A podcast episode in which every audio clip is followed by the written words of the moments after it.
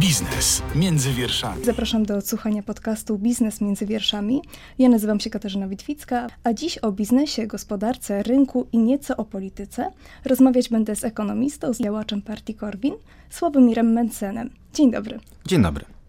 Czy to prawda, że przejmuje pan pracowników skarbówki do swojej kancelarii? E, tak. Mam podobnie jak wielu innych pracodawców na tym rynku taki problem, że jest olbrzymie zapotrzebowanie na usługi doradcze. Prawo podatkowe zmienia się tak szybko, że niestety popyt na nasze usługi rośnie i jest problem z wykwalifikowanymi pracownikami. Dlatego pomyślałem, że muszę zacząć szukać tych pracowników trochę inaczej, nie tylko wśród pracowników innych kancelarii, ale też tam, gdzie nikt inny nie szuka, to znaczy w Krajowej Informacji Skarbowej oraz w Krajowej Administracji Skarbowej. Wielu ludzi może się tym zdziwić, dziwić, ale naprawdę niektórzy urzędnicy mają bardzo rozległą, szeroką wiedzę o podatkach, do tego wiele lat doświadczenia. Stąd uznałem, że uderzę z kampanią rekrutacyjną bezpośrednio do nich. No, odbyły się już rozmowy kwalifikacyjne, część osób przyszła rzeczywiście do mnie do pracy, więc kampania zakończyła się sukcesem. To uszczupli pan administrację państwową? Tymczasowo tak. Podejrzewam, że te etaty i tak zostaną uzupełnione w najbliższym czasie, ale udało się e, trochę je chwilowo to zatrudnienie zmniejszyć. Mam takie wrażenie, czytając Państwa posty na Facebooku, posty kancelarii, że to też jest dobre dla każdego, żeby uszczuplić tę administrację, żeby tym samym zapewnić sobie większe zasoby w budżecie, mniejsze wydatki. Tak, tak. To znaczy, to nie jest tak, że wszyscy urzędnicy oczywiście są zbędni. Część z nich wykonuje pracę przydatną. Natomiast moje osobiste wrażenie jest takie, że gdyby e, skarbówka zatrudniała trochę mniej osób i gdyby trochę mniej koncentrowała się na naszych pieniądzach, to wszystkim żyłoby się lepiej. I byłoby więcej pieniędzy w budżecie, co by pozwoliło obniżać podatki. E, na pewno w kieszeniach e, Polaków byłoby więcej pieniędzy. I byłby pan wówczas za tym, żeby obniżać te podatki? Cały czas jestem za tym, żeby obniżać podatki. Nie zależy to bezpośrednio od zatrudnienia w skarbówce. A czy jest jakiś próg obniżenia tych podatków? Jest masa argumentów, żeby tych podatków jednak nie obniżać. Chociażby taki argument, że państwo musi finansować swoje wydatki. Istnieje przekonanie, że podatki rekompensowane są nam w postaci wysokiej jakości usług, na przykład służby zdrowia, edukacji, więc obniżanie podatków musi mieć też swoje granice. Akurat wymieniła Pani te rodzaje usług, które nie cieszą się najwyższą opinią wśród Polaków. Niewiele znam osób, które Nieco sprowokowałam Pana zadowolone z mhm. jakości polskiego systemu ochrony zdrowia, której symbolem, mam nadzieję długo niezapomnianym, będzie ten kij do walenia w okno w przychodni w Tarnobrzegu, którym trzeba uderzyć w okno, żeby otrzymać receptę. To pokazuje, jak ten sektor publiczny w Polsce działa. Prawdą jest, że istnieją państwa o wysokim poziomie opodatkowania, takie na przykład jak Szwecja, czy Dania, czy Holandia, gdzie sektor publiczny działa sprawnie i mieszkańcy tych państw otrzymują w zamian za wysokie podatki, które płacą, rzeczywiście usługi wysokiej jakości.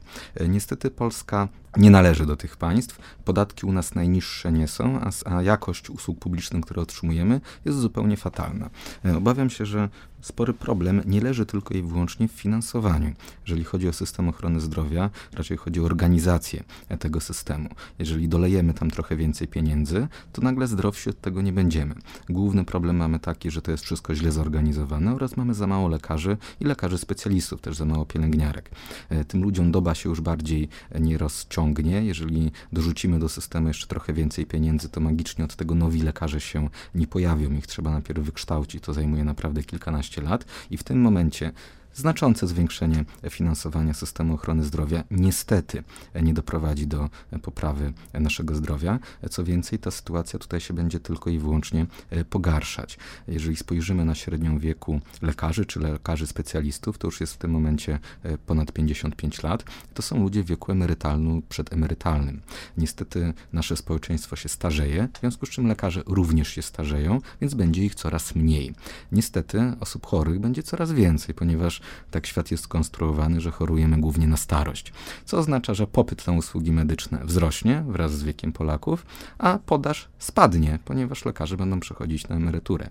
W związku z czym mam olbrzymią obawę, że lepiej tu już było i z polskim systemem ochrony zdrowia będzie tylko gorzej i pieniądze tu sytuacji w żaden sposób nie naprawią. E, dobrze pani założyła, że oczywiście są granice obniżania podatków. Tymi granicami są chociażby już zaciągnięte zobowiązania. Mamy dług publiczny, który musi musimy obsługiwać, płacić od niego odsetki. Mamy zobowiązania emerytalne, zobowiązania właśnie z tytułu pobranych składek na ubezpieczenie zdrowotne. Jeżeli ktoś całe życie płacił za ubezpieczenie zdrowotne, nie możemy mu teraz powiedzieć pod koniec jego życia, czy pod koniec jego okresu, kiedy chodzi do pracy, że teraz ma sam sobie płacić na leczenie, kiedy go wreszcie potrzebuje. Mamy konstytucję, która zobowiązuje państwo do utrzymywania chociażby szkół czy uniwersytetów, albo mamy członkostwo w Unii Europejskiej, które też generuje na nas masę zobowiązań, więc tych wydatków takich sztywnych, z którymi się nic nie da zrobić bez jakiejś olbrzymiej rewolucji, jest bardzo dużo. Stąd szybko podatków obniżyć się nie da. E, poziom opodatkowania zawsze jest pewną pochodną poziomu wydatków. Jeżeli obniżymy wydatki, to wtedy rzeczywiście następstwem może być obniżenie podatków. Ale nie powinniśmy obniżać podatków bez jednoczesnej gwałtownego obniżenia również wydatków. To, co na pewno można szybko zrobić, to ucywilizowanie prawa podatkowego. Sprawienie, żeby ono się nie zmieniało, zwłaszcza na niekorzyść podatnika, tak z dnia na dzień, jak to się obecnie dzieje. Kiedy ustawy podatkowe są podpisywane przez prezydenta pod sam koniec listopada, wchodzą już od początku stycznia. To jest pewne nieporozumienie. Życie gospodarcze niestety nie jest tak elastyczne, żeby można było z dnia na dzień zmieniać formy prowadzenia działalności, renegocjować umowy. Podatnicy nie powinni być tak zaskakiwani. Na zachodzie prawo podatkowe, zmiany w tym prawie są zapowiadane z wieloletnim wyprzedzeniem, a nie z miesięcznym czy dwumiesięcznym. Powinniśmy do tych standardów dążyć, tak żeby to prawo się zmieniało rzadziej, z większym wyprzedzeniem podatnicy powinni być o zmianach informowani oraz powinniśmy iść w kierunku uproszczenia tego systemu, a nie jego komplikacji, tak jak to się dzieje obecnie. Tym bardziej, jeśli weźmiemy pod uwagę Polski Ład, który tym bardziej komplikuje już skomplikowane prawo. Tak, Polski Ład jest, zdaje się, największą zmianą podatkową już naprawdę od wielu lat, przynajmniej największą za, za mojego świadomego życia podatkowego, od kiedy zająłem się podatkami. Ten projekt wraz z uzasadnieniem ma blisko 700 stron. To jest naprawdę bardzo dużo. Na tych 700 stronach nie mamy beletrystyki, nie mamy długich akapitów, jakichś opisów, tylko bardzo techniczny język. Tam się jeden ustęp zastępuje drugim, tam się usuwa pewne litery, pewne przepisy, inne się modyfikuje. Bardzo ciężko jest w tym momencie przewidzieć nawet wszystkie konsekwencje tych setek stron zmiany przepisów, poza tą, że prawo ewidentnie się skomplikuje. Nie mam najmniejszych wątpliwości, że posłowie, którzy przegłosowali tą ustawę w Sejmie jej nie czytali, jeżeli ktoś nawet ją pobieżnie przejrzał, to na pewno bez zupełnego zrozumienia. Myślę, że jeszcze dużo czasu minie, zanim poznamy wszystkie konsekwencje tych zmian podatkowych, zwłaszcza, że musimy mieć świadomość tego, że przepisy są naprawdę bardzo często nieprecyzyjne. Mamy olbrzymią niepewność, olbrzymią zmienność tego prawa podatkowego i ten polski ład, no niestety, jest kolejnym krokiem w tym kierunku. Tak jak mówiłem, te wszystkie konsekwencje zmian, które obecnie się dzieją, poznamy dopiero za kilka lat, jak wieloma nieprecyzyjnymi przepisami zajmie się dopiero NSA. Ja myślę, że dopiero wtedy będziemy mieli szansę, żeby w ogóle te przepisy zrozumieć, ponieważ, tak jak Pan wspomniał, ustawy podatkowe są tak obszerne, odnoszą się do wielu innych wątków, że pewnie przeczytanie tej jednej ustawy być może zajęłoby więcej czasu i zrozumienie jej oczywiście, niż y, samo jej stworzenie.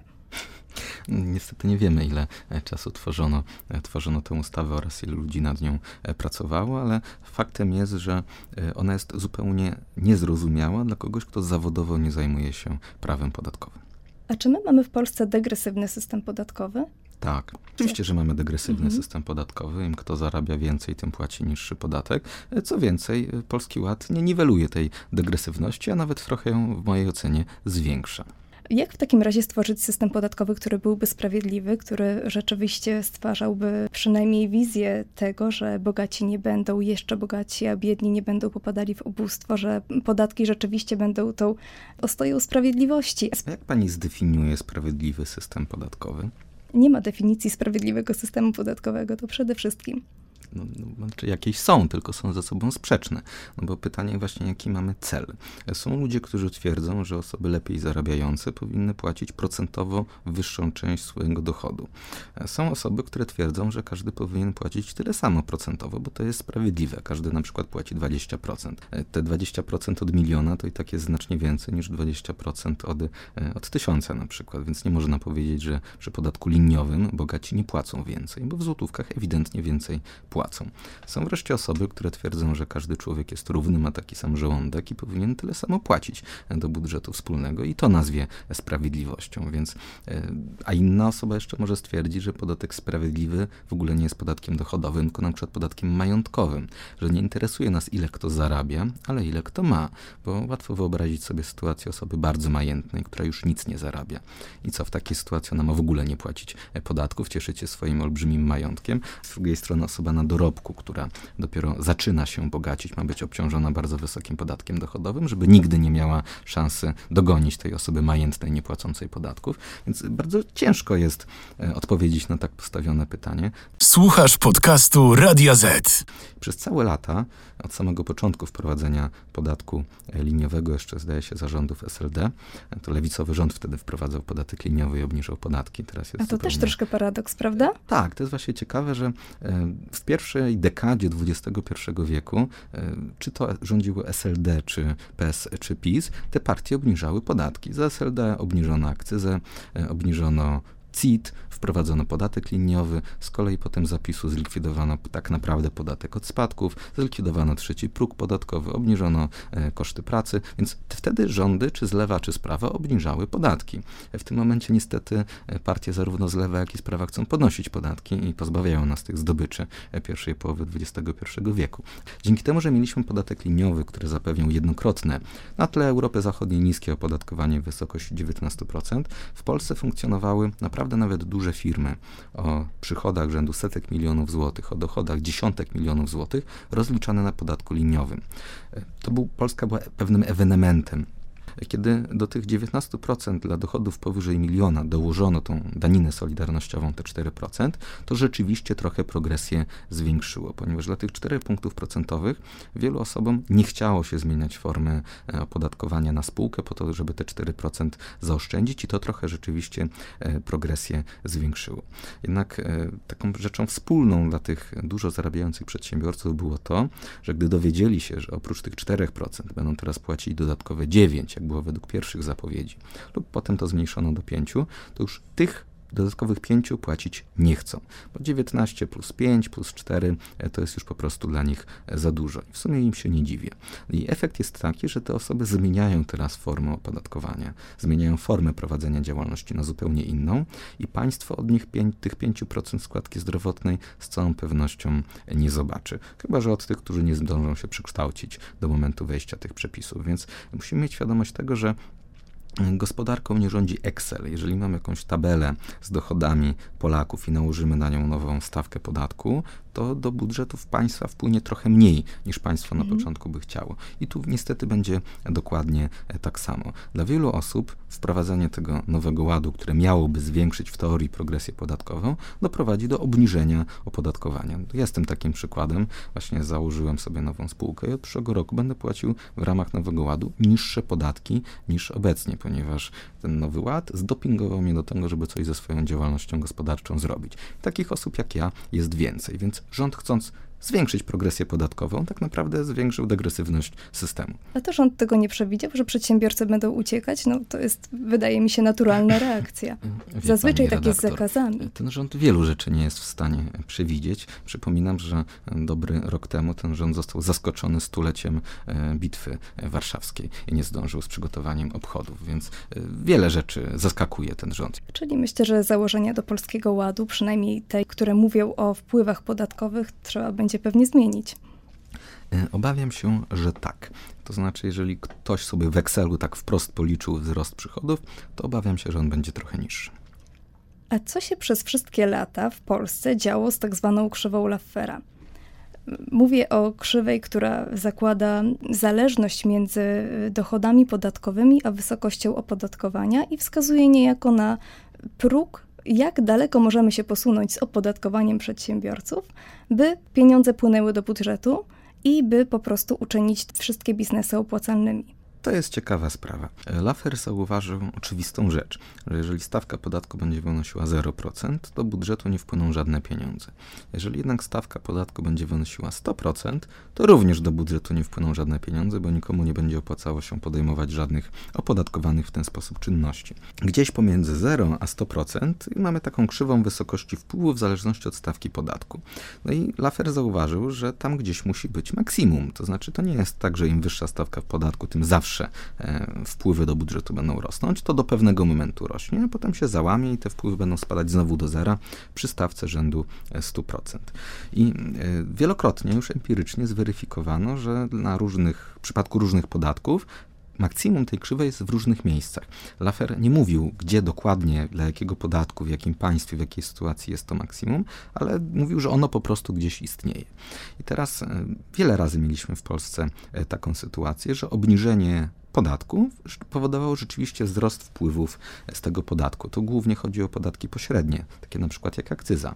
To znaczy krzywa Lafera trochę inaczej działa dla różnych podatków. Jeżeli mamy podatek, którego jest łatwo uniknąć w wyniku pojawienia się szarej strefy, czarnego rynku, przemytu itd., tak to maksimum tej krzywej jest trochę bliżej zera. To jest na przykład właśnie e, przypadek akcyzy na alkohol czy papierosy. Jeżeli przesadzimy z wysokością tej akcyzy, to ludzie zaczną szukać tańszych alternatyw, zarówno tych legalnych, jak i tych nielegalnych.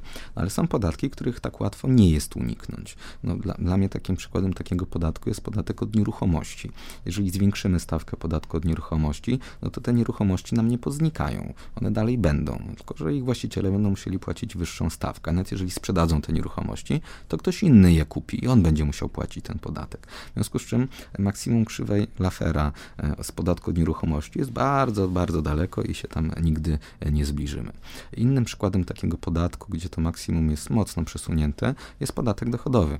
W Polsce na szczęście tego nie testowano, ale e, tak bardzo wysokie stawki tego podatku testowano w krajach skandynawskich. Okazywało się, że maksimum krzywej Lafera dla podatku dochodowego niestety jest gdzieś tam w okolicach 60%, aż dopiero po przekroczeniu tak wysokiej stawki e, te wpływy spadają. Ale większość podatków w Polsce na szczęście jeszcze jest e, na e, na tym poziomie, że gdybyśmy je trochę podwyższyli, to te wpływy jednak wzrosną. To nie jest tak, że z podatkiem mhm. dochodowym e, czy z VAT-em jesteśmy na prawo od maksimum krzywej Lafera, jesteśmy jeszcze na lewo.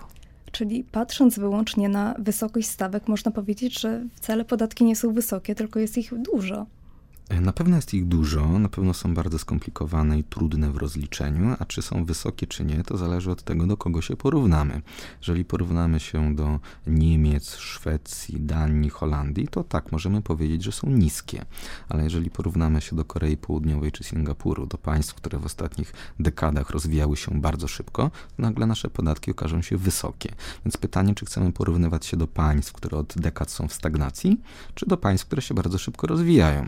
Ja wolałbym do tych drugich się porównywać i wolałbym, żeby nasze podatki u nas wyglądały mniej więcej tak jak właśnie w Hongkongu, na Tajwanie, w Korei Południowej czy w Singapurze, w tych azjatyckich tygrysach, które przez te ostatnie dekady wykonały olbrzymi postęp. Jeżeli jednak będziemy ze stawkami podatku dążyć do państw Europy Zachodniej, które od dekad są w stagnacji, no to nasz tempo wzrostu gospodarczego rzeczywiście też tam się e, zbliży wszyscy zyskaliby na świadomości, że płacenie podatków ma sens w postaci otrzymywania czegoś w zamian. Co należy zrobić, żeby rzeczywiście był związek między tym, co wpłacamy do budżetu, a tym, co dostajemy w zamian?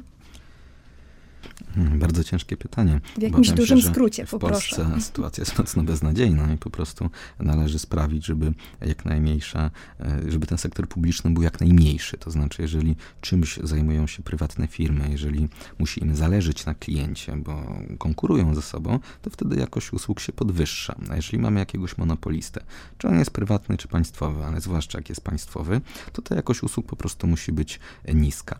Ja tu nie widzę w krótkim terminie wielkich nadziei na to, że nagle nasz system ochrony zdrowia czy nasze szkoły będą działały lepiej. Widziałbym raczej nadzieję w kierunku wprowadzenia jak największej ilości elementów rynkowych. Chociażby te mikroopłaty w systemie ochrony zdrowia, wzorem czeskim, gdzie kilka lat temu wprowadzono opłaty w wysokości w przeliczeniu 5, 10, 15 zł za wizytę u specjalista, ewentualnie dzień pobytu w szpitalu i to nagle o kilkadziesiąt procent zmniejszyło zapotrzebowanie na te wizyty. Okazało się, że dla wielu osób wizyta u lekarza jest mniej warta niż 5 zł.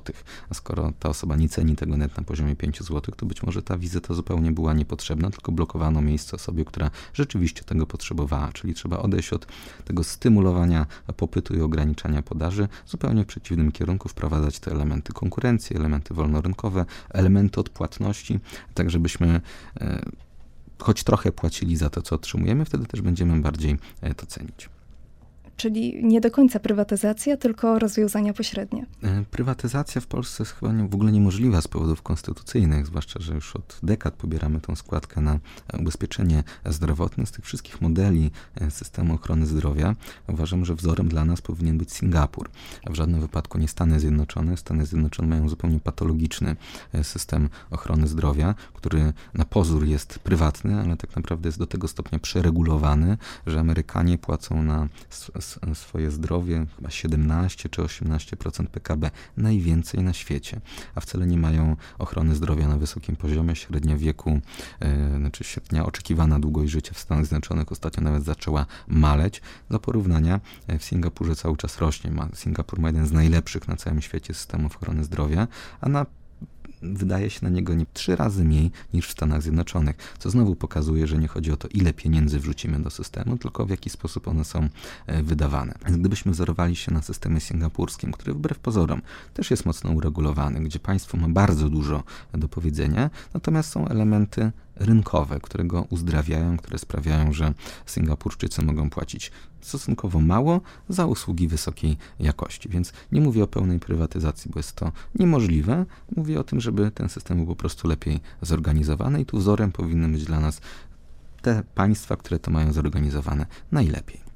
Żeby wprowadzać elementy rynkowe do naszego systemu, także podatkowego, należałoby najpierw uporządkować to dość skomplikowane prawo podatkowe, Hasło proste podatki, odkąd pamiętam, w przypadku wielu ekip rządowych pojawiało się zawsze. Praktycznie każda partia miała na ustach hasło właśnie proste podatki. Nowelizowała wiele ustaw podatkowych. Niektóre ustawy sięgają oczywiście lat 90. i one się nie zmieniły, one są po prostu znowelizowane.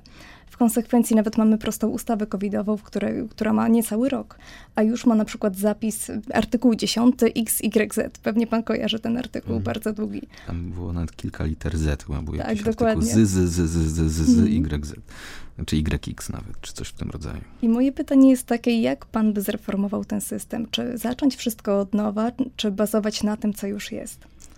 Gdyby to zupełnie ode mnie zależało, niezależnie od innych realiów, to e, oczywiście zlikwidowałbym podatek dochodowy, ponieważ tak długo, jak długo będzie istniał podatek dochodowy, prawo musi być skomplikowane.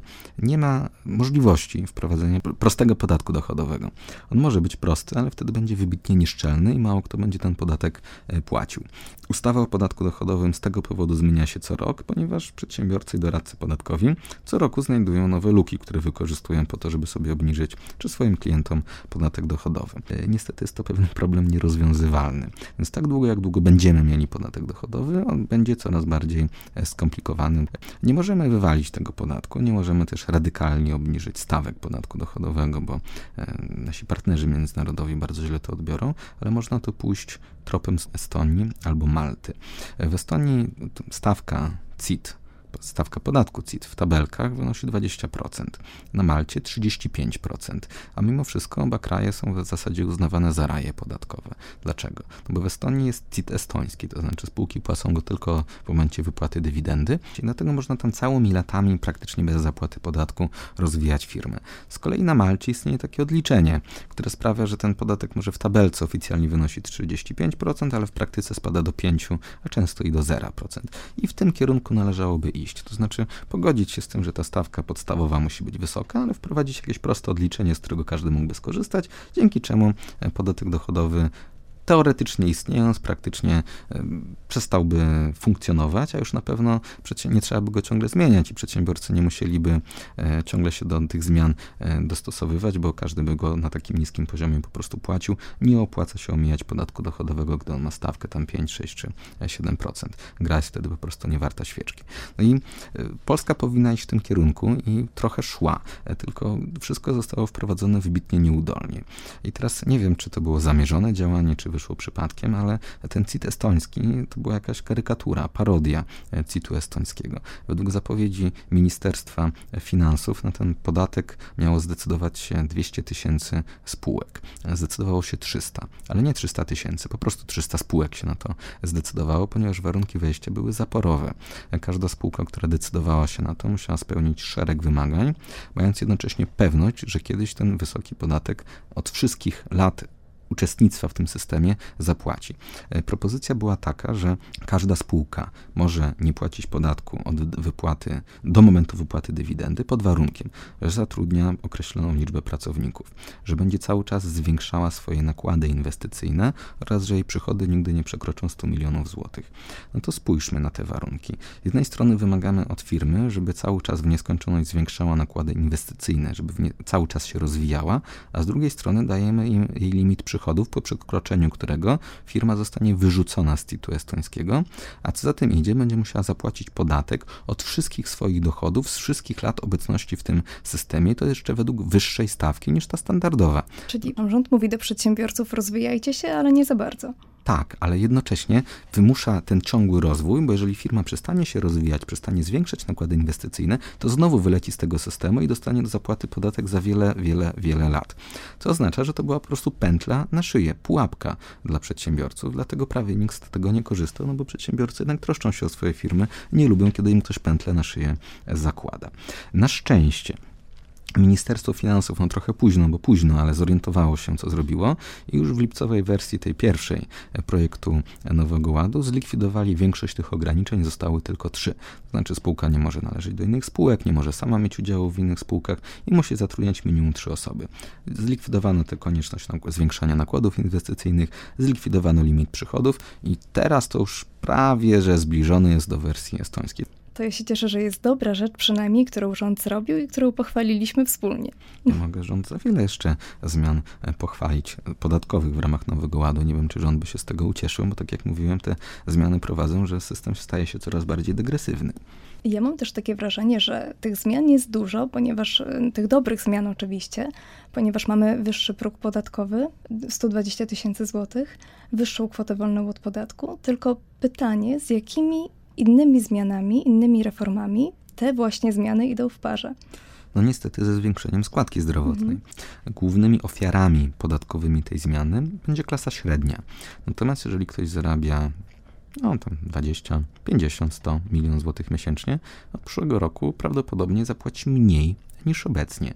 Więc o ile rozumiem, chociażbym się nie zgadzał z takim systemem podatkowym, w którym im kto zarabia więcej, tym procentowo płaci większy podatek, to miał, jakaś logika by w tym była. Według mnie nie, nie trafiona, ale jakaś by była. Natomiast obecnie mamy taki system podatkowy, w którym ktoś, kto mało zarabia, będzie płacił taki średni podatek. Potem, jak zarabia trochę więcej, to jego podatek wzrośnie, a jak znowu jeszcze więcej zarabia, to znowu drastycznie spadnie. I to nawet poniżej tego podatku płaconego przez najmniej e, zarabiających. I to już jest dziwne. To znaczy, maksimum opodatkowania mamy dla klasy średniej, a potem one, to opodatkowanie w obie strony opada. I tak jak zaczęliśmy naszą rozmowę od e, zastanowienia się, jaki system podatkowy jest sprawiedliwy. I mówiłem, że dla różnych osób jest różny system podatkowy, bardziej degresywny czy, czy bardziej progresywny, czy liniowy jest sprawiedliwy, o tyle przyznam, że nie znam osoby, która by twierdziła, że sprawiedliwy system to taki, w którym klasa średnia płaci najwyższe podatki, a osoby lepiej zarabiające płacą niższe. Tego nie rozumiem. Czy na koniec zadam polityczne, być może kluczowe pytanie w świetle naszej dyskusji. W skuteczność Konfederacji w 2019 roku uwierzyło nieco ponad 6% wyborców, to chyba lepiej niż w poprzednich latach. Natomiast y, mam takie wrażenie, że obietnica gotówki y, do ręki wciąż lepiej się jednak sprzedaje w polityce niż obietnica niskich podatków. I czy to, co Konfederacja robi, to nie jest trochę walka z wiatrakami? To się okaże za, za wiele lat. Pytanie, kiedy to ziarno, które siejemy, zakiełkuje. Głęboko wierzę w to, że w młodszym pokoleniu świadomość tego, że e, świadczenia socjalne są przez kogoś finansowane, jest trochę wyższa. E, młodzi Polacy mają pełną świadomość tego, że ich emerytury z ZUS-u będą na iluzorycznym e, poziomie. Stąd takie poparcie dla idei wolnorynkowych, dla niskich, prostych podatków w, ten, w naszym elektoracie w osobach do 30-35 roku życia jest znacznie wyższe. Jeżeli spojrzymy na badania opinii publicznej w skali całego społeczeństwa, to oczywiście najwięcej PiS, Platforma, my jesteśmy gdzieś tam w środku stawki w tym momencie. Natomiast jeżeli spojrzymy na po, sondaże poparcia dla osób do 29 roku życia, to tam w zasadzie liczą się dwie partie, my oraz lewica, co pokazuje, że te poglądy polityczne, spojrzenie na gospodarkę, na świat jest strasznie spolaryzowane w najmłodszym pokoleniu i poparcie dla tych starszych partii typu PiS, PSL czy Platforma Obywatelska jest tam bardzo niskie, co oznacza, że przyszłość należy do nas albo do lewicy, albo te podatki. Czyli dwóch skrajności. Tak jest. Młodzi ludzie są tak bardziej spolaryzowani, mają bardziej mhm. radykalne poglądy, czy to z lewa, czy to z prawa, ale do nich należy przyszłość. Ich będzie coraz więcej wśród osób głosujących, więc ta zmiana prędzej czy później nadejdzie. W którą stronę to wahadło historii się przechyli, tego jeszcze nie wiemy. Nie wiemy, czy zwycięży ostatecznie w Polsce lewica, czy prawica, czy zwycięży socjalizm, czy kapitalizm, ale na pewno będzie inaczej niż jest teraz. Wszyscy na pewno życzylibyśmy sobie świadomych wyborców, bo to w końcu nasza świadomość kreuje naszymi wyborami, a czas pokaże, jak Polacy zagłosują w 2023 roku. Ja tymczasem dziękuję za rozmowę. Przypomnę tylko, że moim i Państwa gościem w podcaście Biznes między wierszami był Sławomir Metzen. Nie pozostaje mi nic innego, jak zaprosić Państwa na stronę biznesradio.z.pl, a podcastów z kolei odsłuchać można w playerze Radia Z, w serwisie Spotify. Żegnam się z Państwem i do usłyszenia. Biznes między wierszami. Więcej podcastów na player radioz.pl.